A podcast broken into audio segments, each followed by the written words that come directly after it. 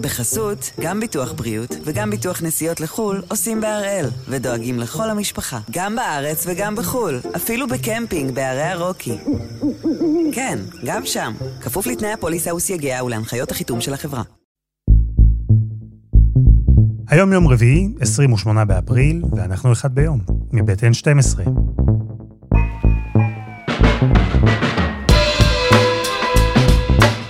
אני אלעד שמחיוף, ואנחנו כאן כדי להבין טוב יותר מה קורה סביבנו. סיפור אחד ביום, כל יום. והפעם אנחנו עם ישיבת הממשלה הסוערת שנערכה אתמול.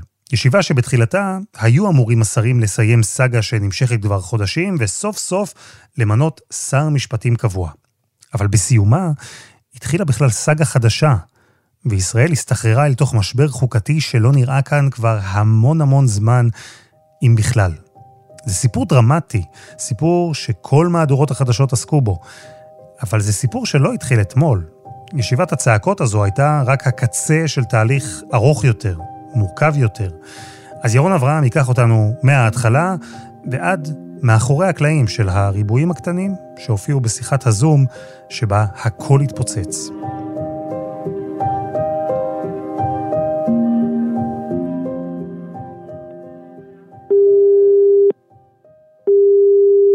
הלו. ירון, מה העניינים? בסדר גמור, אלעד. מה שלומך?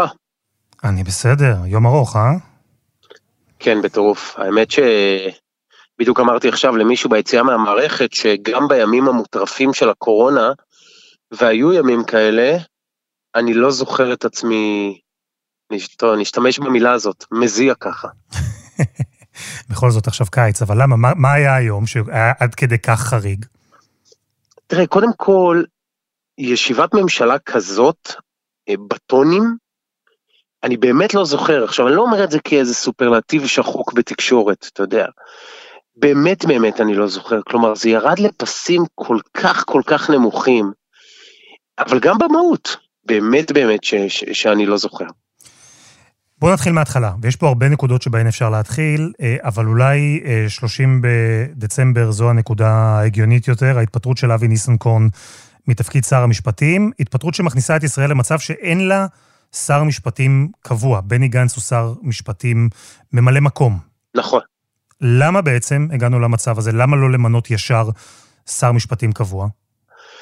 אה, הסיבה שלא אה, מונה שר משפטים אז, כי יצאנו לבחירות. אתה זוכר שניסנקורן התמודד אה, במפלגת הישראלים. עליה השלום. כן, עליה השלום של רון חולדאי. ו, ו, וברגע שיוצאים לבחירות אז אין מינויים קבועים. אז ההחלטה הייתה למנות ממלא מקום. אלא שממלא מקום זה לתקופה מוגבלת.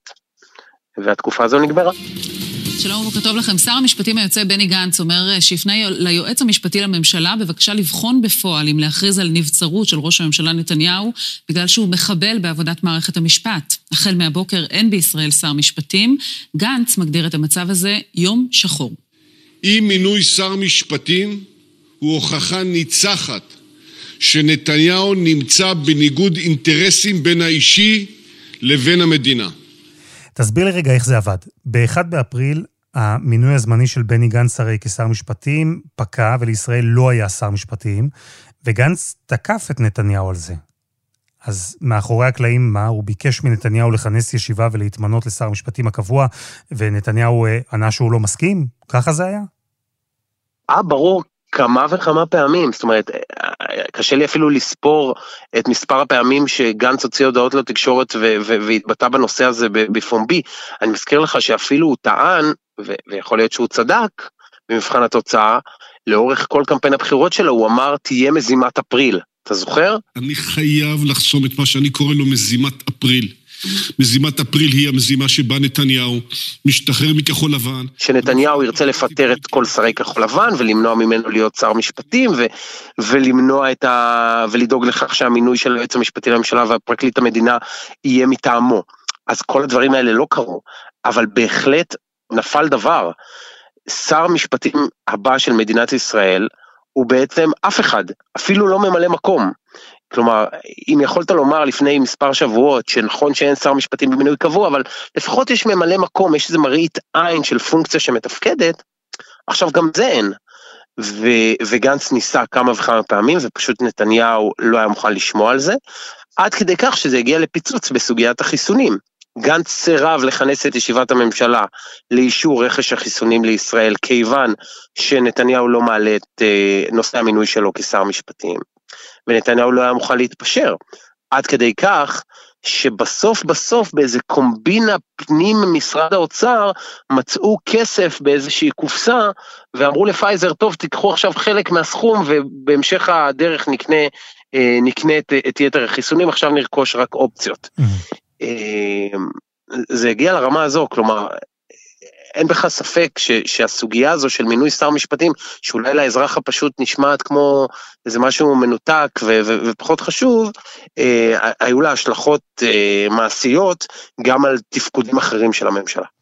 ותגיד, למה בעצם נתניהו אה, במשך כל התקופה הזו מנע את ההצבעה על בני גנץ כשר המשפטים הבא? כלומר, מה, מה טוענים הצדדים? מה טוענים בצד של בני גנץ ומה טוען נתניהו? זאת שאלת השאלות. אז קודם כל, אני אגיד לך מה אומר נתניהו. נתניהו אומר, אנחנו יצאנו למערכת בחירות, אה, ההסכם הקואליציוני שאני חתום עליו תקף לכנסת הקודמת, משהוקמה כנסת, אני לא חייב שום דבר לאף אחד. עוד שבוע, שבועיים, תוקם ממשלה חדשה בישראל, נמלא שר משפטים. עכשיו, בואו נעביר את הסמכויות, נפזר אותם בין השרים. גנץ טוען שיש פה משהו מתוכנן פעמיים. פעם אחת להחליש עוד את המערכת המשפטית, להראות שדווקא שר משפטים, למרות האזהרות של בג"ץ, למרות הבקשות, הוא לא מוכן למנות. ופעם שנייה, כיוון שהוא רוצה לשלוט במינוי שר המשפטים, מתוך הנחה שאם זה יהיה שר משפטים נוח, זה ישפיע באופן זה או אחר על המשפט שלו. עכשיו אתה שואל איך זה ישפיע, שהרי המשפט כבר התחיל ואנחנו כבר בשלב ההוכחות. לא מדברים על זה מספיק, אבל בתחילת השנה הבאה אמור להתמנות יועץ משפטי חדש לממשלה, ובקרוב אמור להתמנות פרקליט מדינה קבוע, וזה אולי כיסא המפלט היחידי של נתניהו. אולי, אה, זה מה שאומרים בסביבת גנץ, שאולי הפרקליט החדש או היועץ החדש יחשבו שצריך למשוך את כתב האישום. זו, זו, זו בעצם הטענה המרכזית של, של גנץ, mm. שנתניהו רוצה את שר המשפטים מטעמו, כדי לשלוט בענייניו המשפטיים. Mm. ועכשיו מגיע הרגע שבו אה, צריך למנות שר משפטים קבוע בממשלת מעבר, אה, וזה לא מגיע כי מישהו במערכת הפוליטית רוצה שזה יקרה, אלא בהוראה מלמעלה של בג"ץ. למה בג"ץ בעצם כופה על הממשלה למנות שר משפטים קבוע? תקשיב, זה בעיניי סיפור מדהים. היית מצפה שהטענה של בג"ץ תהיה, אתה יודע, נעוצה באיזשהו אלמנט חוקתי נעלה, או איזושהי אמירה באמת אה, ברת משמעות על, ה, על הצורך בשר משפטים בממשלה. יכול להיות שבג"ץ חושב את זה, ואפילו אמר את זה בפסק הדין שלו בצורה זו או אחרת, אבל לא זאת הייתה הסיבה שבגינה הוא חייב את הממשלה להתכנס. הסיבה שבגינה בג"ץ חייב את הממשלה להתכנס נעוצה בקורונה. מה שקורה זה שמשרד הבריאות לא מעוניין שעצירים ואסירים יגיעו לדיוני הארכת מעצר פיזית, הוא מעוניין לקיים את זה ב-VC, בווידאו קונפרנס. מתברר, ואני מודה שלא ידעתי את זה, שכדי שהדיונים הללו יערכו מרחוק בווידאו, צריך חתימה של שר משפטים, אבל אין שר משפטים. אז בג"ץ שלח את הממשלה להכריע מי יהיה שר המשפטים הבא של מדינת ישראל, כיוון שהוא רצה שמישהו יחתום על הדבר הזה שצריך להביא עצירים לשיחות וידאו ולא פיזית. זה דבר מדהים. בישיבת הממשלה היו כל מיני הצעות לתת את הסמכות הספציפית הזאת לשרים כאלה ואחרים, אבל ברור שהדיון המהותי יותר הוא הדיון על שר משפטים בכלל, על העובדה שהמדינה מתפקדת. ללא משרד משפטים מתפקד וללא שר משפטים מתפקד.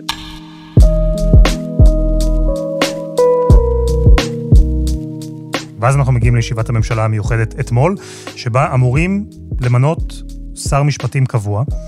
אה, ובעצם בני גנץ מגיע לתוך הישיבה הזו כאשר הוא משוכנע שהשם שלו יעלה והוא ימונה להיות שר המשפטים?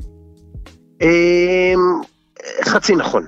הוא הגיע, אה, נמלח בדעתו, שגם אם נתניהו לא מסכים, הוא מעלה את השם שלו להצבעה. כלומר, גנץ ידע שהוא, שיהיה כאן איזשהו עימות פומבי בינו לבין נתניהו, היה ברור לו שנתניהו לא יסכים למינוי שלו, ובכל זאת הוא חשב שנכון להצביע על זה, כדי להראות לבג"ץ, הנה אני ניסיתי, אני, ראש הממשלה החליפי, ניסיתי להביא את המינוי שלי, והוא, נתניהו, בלם את זה. אני לא יודע מה זה היה נותן לו משפטית, אבל זה הקייס הפוליטי לכל הפחות, שבא איתו גנץ. והסערה הזו שראינו, אה, הייתה צפויה בממדים שלה? כלומר, לפי מה שאתה מתאר, היה אפשר להניח שיהיה ויכוח, יהיה ריב, אנחנו ידענו שזה יגיע לממדים כאלה? אני אגיד לך את זה ברמה העיתונאית. היום בבוקר, אה, כשקמתי, ה-SMS הראשון אה, שקיבלתי היה מעורך המהדורה, יניב אלפרוט. והוא אמר לי, הלו, הלו, צריך לראות איך מקבלים הקלטות מהישיבה על המשפטים היום. זה הכי נפיץ שיכול להיות בארץ. אה, כלומר, הייתה לנו הנחה שזה יגיע למקומות נפיצים. אני לא חושב שמישהו שיער עד כמה. אה, אתמול במהדורה סיפרתי שנתניהו במובנים מסוימים תכנן מערב לגנץ. גנץ מצד אחד הביא את השם שלו כשר המשפטים, אבל נתניהו ידע שהוא יביא את השם שלו כשר המשפטים, והביא מראש מועמד אחר, את אופיר אקוניס. אה, וזה היה הסיגנל, הסימן לכך שהישיבה הזאת פשוט אה, מתפוצצת ויוצאת מהכלים. איך זה קורה בפועל? מתחילה הצבעה על בני גנץ כשר המשפטים הקבוע, ואז מה קורה? מתחילה ההצבעה. בית המשפט אה, העליון אה, קיבל החלטה שאנחנו נקיים היום דיון בממשלה על אה, מינוי שר המשפטים. לדעתי היו עשרה תומכים, שבעה עשר מתנגדים. אני מזכיר לך שכיוון שיש שרים בכחול לבן שהתפטרו, כמו אה, אסף זמיר וכמו אבי ניסנקורן, אז בעצם המספר של שרי הליכוד בממשלה נותר גבוה, המספר של שרי כחול לבן הוא קצת יותר נמוך, אז אם סופרים את הקולות עצמם, ברור שלליכוד יהיה רוב. אבל ההצבעה הזאת היא לא רלוונטית, כיוון שהממשלה היא פריטטית והקולות חייבים להיות מאוזנים, וזה גם מה שאמר מנדלבליט אחר כך, אין משמעות להצבעה הזאת, גם אם היא נפלה, גם אם היא הייתה עוברת, אין לזה שום משמעות. הוא פסל את ההצבעה. אבל אז נתניהו פשוט מדהים את השרים. אומר, כיוון שאתם הבאתם שם, גם אני רוצה להביא שם. לאחר שבית המשפט מבקש מאיתנו להביא שר, אני מבקש להביא מועמד אה, אחר, את אה, השר אופיר אקוניס, אה, כמועמד שלנו. אני מבקש להעלות להצבעה את מועמדותו של השר אופיר אקוניס. השרים היו בהלם, בהלם מוחלט. התחילה שם בוקה ומבולקה, צרחות, צעקות. לא הבינו מילה אה, מההקלטות שהגיעו אליי, פשוט לא הבנו מילה ממה שנאמר שם, כי כל אחד פשוט צרח על השני. להפסיק להיתמם, פשוט לעשות את הדבר הפשוט, למנות שר שיכהן עד שהממשלה תחדל.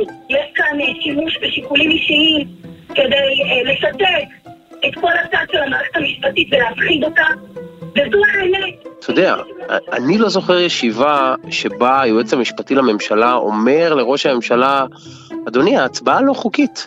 ההצבעה הזאת היא לא חוקית, ואסור היה לקיים אותה. ובכל זאת, ההצבעה עולה, ועוברת. ואומר מנדלבליט אחר כך שוב, ההצבעה לא חוקית, ואומר לו ראש הממשלה, אף אחד לא מבין מה אתה רוצה. אז מנדלבליט מטיח בו, בג"ץ כן יבין. אבל זה לא עזר, זה עבר, אה, וזה הגיע לבג"ץ.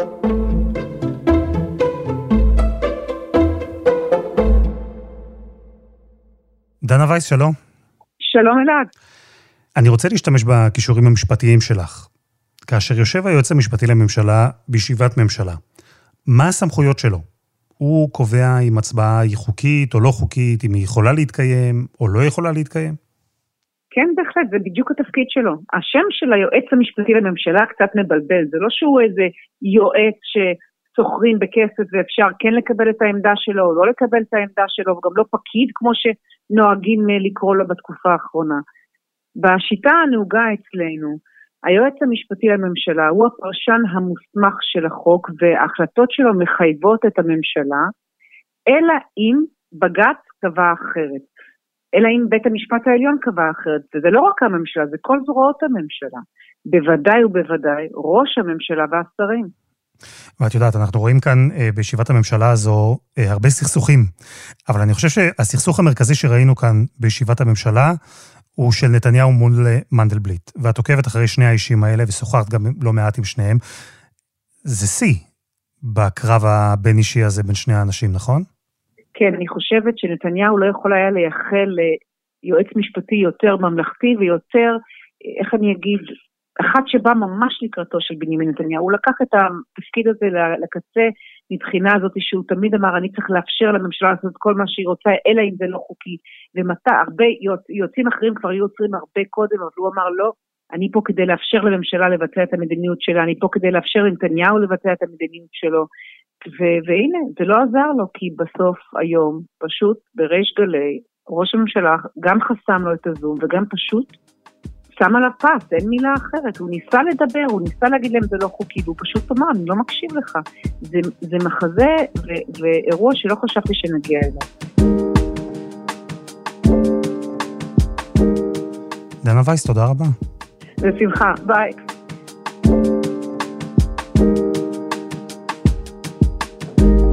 ובעצם הדבר המדהים, ירון, שכל הדרמה הזאת, אה, ברוח התקופה אולי, למרות שישראל כביכול יצאה מהקורונה, זה קורה בזום. נכון. תשמע, יש פער מדהים בין המאמצים שהשקעתי אה, כדי לדלות בדל של מידע מהקבינט המדיני-ביטחוני לפני שבוע, ואני מודה שלא הצלחתי משהו, לבין הקלות, שאני אני אגיד את זה ככה, וכל אחד שיבין מה שהוא רוצה, ש, שהגעתי לחומרים היום מתוך ישיבת הממשלה. עכשיו, ברגע שזה טכנולוגי, זה הופך את זה ליותר קל, מן הסתם. אבל במציאות הפוליטית הזאת, השברירית, הכאוטית, יש כל כך הרבה אנשים שיש להם אינטרס שאתה תשמע מה קורה שם על השיחה, שאני אגיד את זה ככה בעדינות, זה לא מההישגים העיתונאיים הכי גדולים שלי. זה היה די פשוט. תגיד, מנדלבליט אומר שם אמירה מדהימה, שהממשלה, כלומר ראש הממשלה, עבר ביודעין על החוק. מה הטענה בעצם? איך ההצבעה הזו על אקוניס עברה על, על, על בעצם גם חוק וגם הסכם וגם נוהג, לפי מה שאני מבין? אז ככה, קודם כל, ההסכם הקואליציוני אומר שהצבעות, ובכלל הצעות בממשלה יגיעו רק בהסכמה.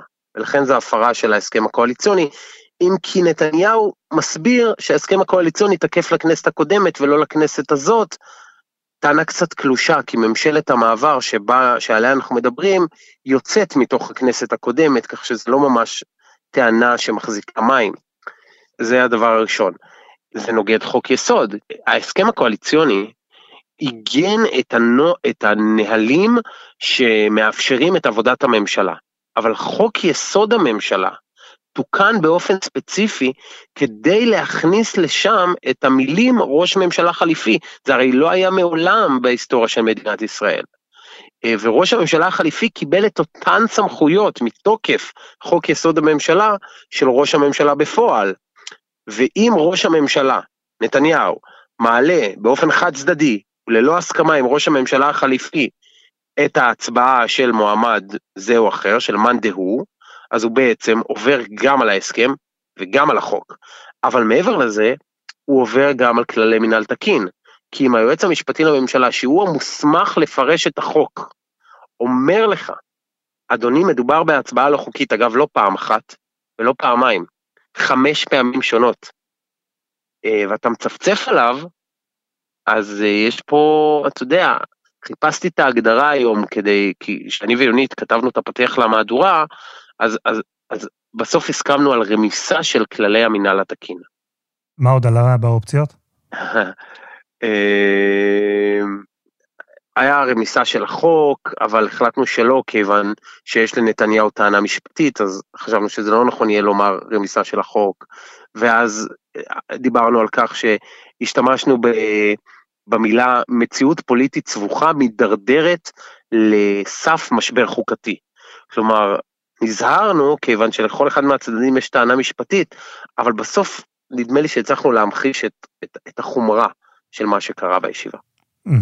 אה, איך יצאו השרים בתום הישיבה הזו? אה, אמרת שהם היו בהלם במהלכה, מה היה בסוף?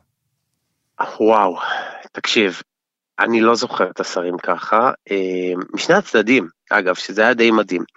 מצד אחד בליכוד, שלושה שרים שדיברתי איתם, טענו שהם לא כל כך מבינים את המהלך של נתניהו. זאת אומרת, מה זה נותן לו? מה, מה הוא בעצם אותת לשותפים הקואליציוניים העתידיים שלו? אנחנו הרי, אתה יודע, בימים שבהם נתניהו מציע רוטציה לכולם, אני מתפלא שאתה לא קיבלת הצעה. ובעצם מה הוא מאותת להם? ש, שהוא, שהם לא יכולים לסמוך עליו, שמילה שלו זו לא מילה, שזה מה שמחכה להם בממשלת החילופים.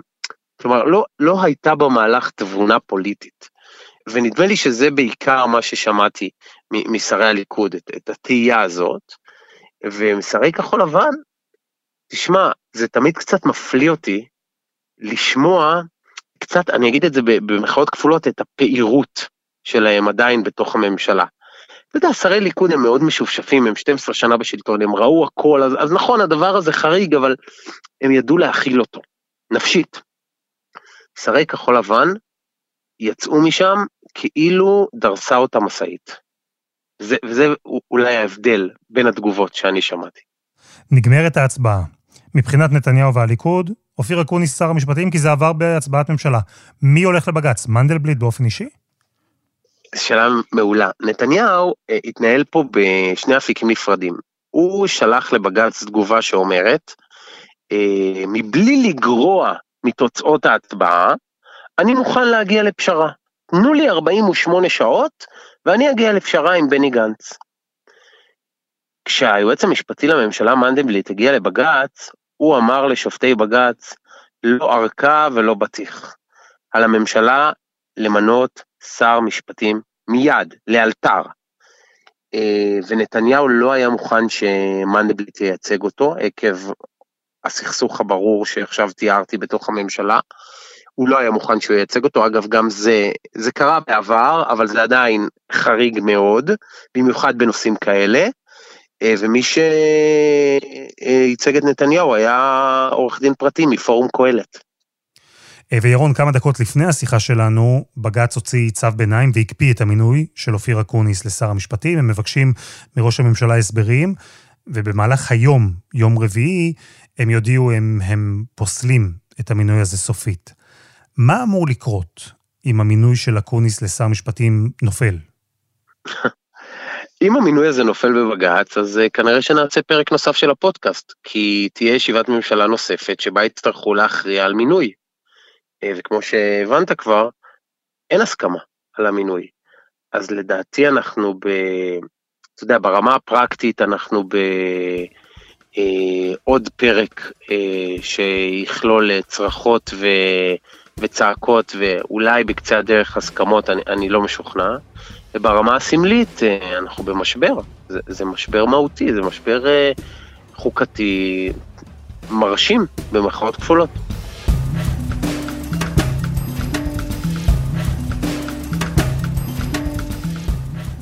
טוב, אז עד הפרק הבא, אה, בינתיים לך תנוח. תודה, ירון. תודה, אלעד. וזה היה אחד ביום, מבית N12. אפשר למצוא אותנו ב-N12 ובכל אפליקציות הפודקאסטים. אם אהבתם את אחד ביום ורוצים לקבל בכל בוקר את הפרק החדש, אתם יכולים לעקוב אחרינו ולשתף חברים, ואם בא לכם לא רק להקשיב לנו, אלא גם לדבר איתנו, אז בואו לקבוצת הפייסבוק החדשה שפתחנו. פשוט חפשו אחד ביום בפייס, אנחנו כבר שם. העורך שלנו הוא רום אטיק, בצוות עדי חצרוני ודני נודלמן, על הסאונד יאיר בשן ואני אלעד שמחיוף. אנחנו נהיה כאן גם בשבוע הבא.